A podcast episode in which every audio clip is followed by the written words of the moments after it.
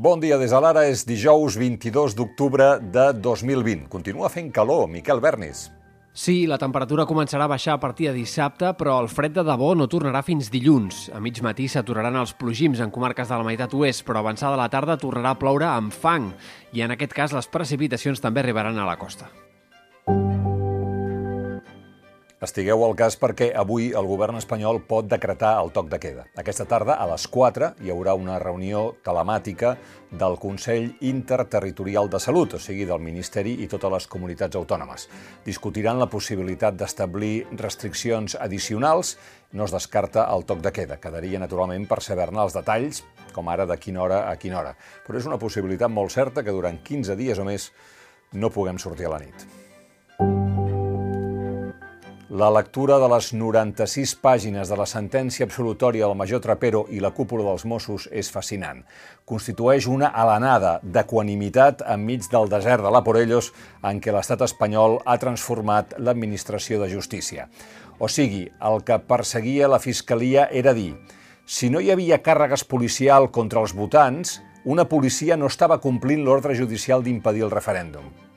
El que diu la sentència és que una policia que fa servir la mediació o que davant de dos milions de persones s'estima més no causar danys majors, també està complint les ordres de la justícia, està posant els mitjans escaients i està complint amb la jurisprudència de la Unió Europea quan hi ha drets en col·lisió. L'absolució de Trapero contradiu la sentència del procés eh, del Suprem. I com va anar que l'absolguessin? Doncs l'Ernesto Ekaizer, que tot i que està de baixa deu haver fet algunes trucades, ha explicat que el magistrat ponent Ramon Sáez va convèncer Francisco Vieira, un altre dels magistrats, de l'absolució. A l'altre extrem de la interpretació dels fets hi havia la presidenta del tribunal, Concepción Espejel, que volia sedició. Per tant, teníem Vieira partidari de la desobediència.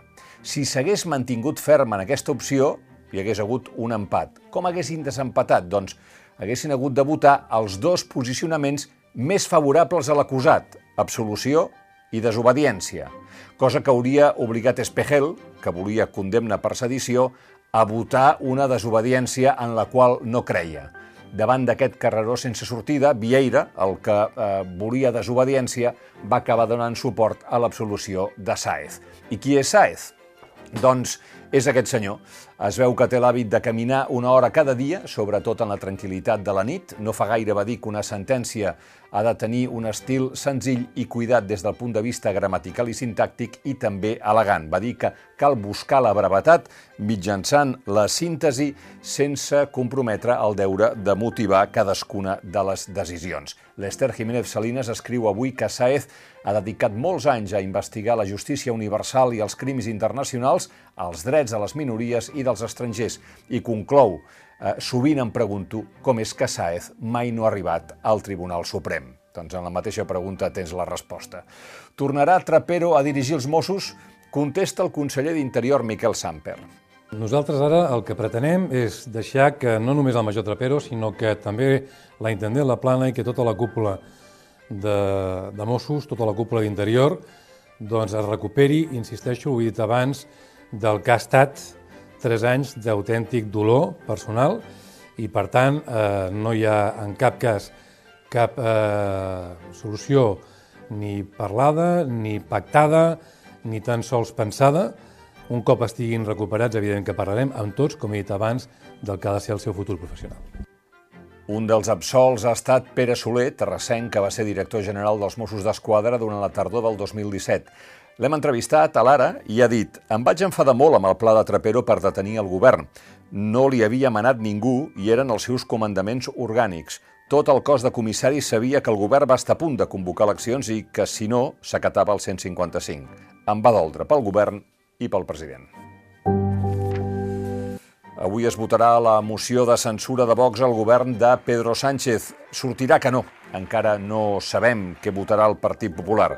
Pedro Sánchez va argumentar, entre altres coses, això. Usted odia España tal y como es. Lo que usted llama patriotismo es nacionalismo exasperado. No le interesa la libertad de los ciudadanos. Lo que le interesa es la homogeneidad cultural de la sociedad y la supresión de cualquier diferencia. Un patriota, señora Bascal, escúcheme bien, un patriota no le sobra la mitad de los compatriotas como a usted le sobran. Usted, señor candidato, hoy no convencerá, como tampoco vencerá.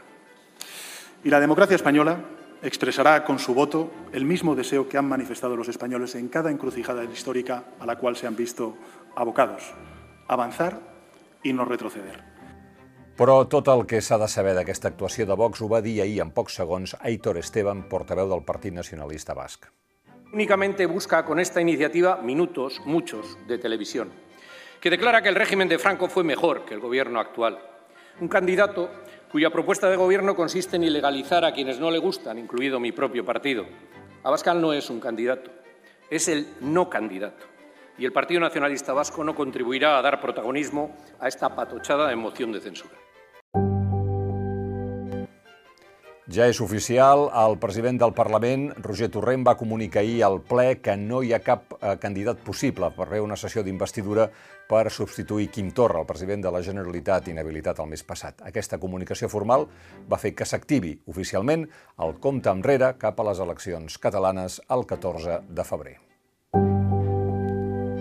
Adeu oficial amb honors al mestre degullat a França, Samuel Paty assassinat per haver decidit ensenyar als seus alumnes a esdevenir ciutadans, va resumir el president Emmanuel Macron durant la cerimònia que per primera vegada es va celebrar a la universitat, a la Sorbona. I ara una que no l'hauríeu dit mai. El papa Francesc ha defensat les unions civils entre persones del mateix sexe perquè les parelles gais puguin estar protegides jurídicament. Les persones homosexuals, va dir el papa, tenen dret a estar en una família. Són fills de Déu i tenen dret a la família. No es pot fer fora de la família ningú ni fer-li la vida impossible per això. El que hem de fer és una llei de convivència civil. Tenen dret a estar coberts legalment. Ho diu el pontífex durant una entrevista en un documental que es va estrenar ahir al Festival de Cinema de Roma. Notin que el papa Bergoglio no ha parlat en cap cas de matrimoni.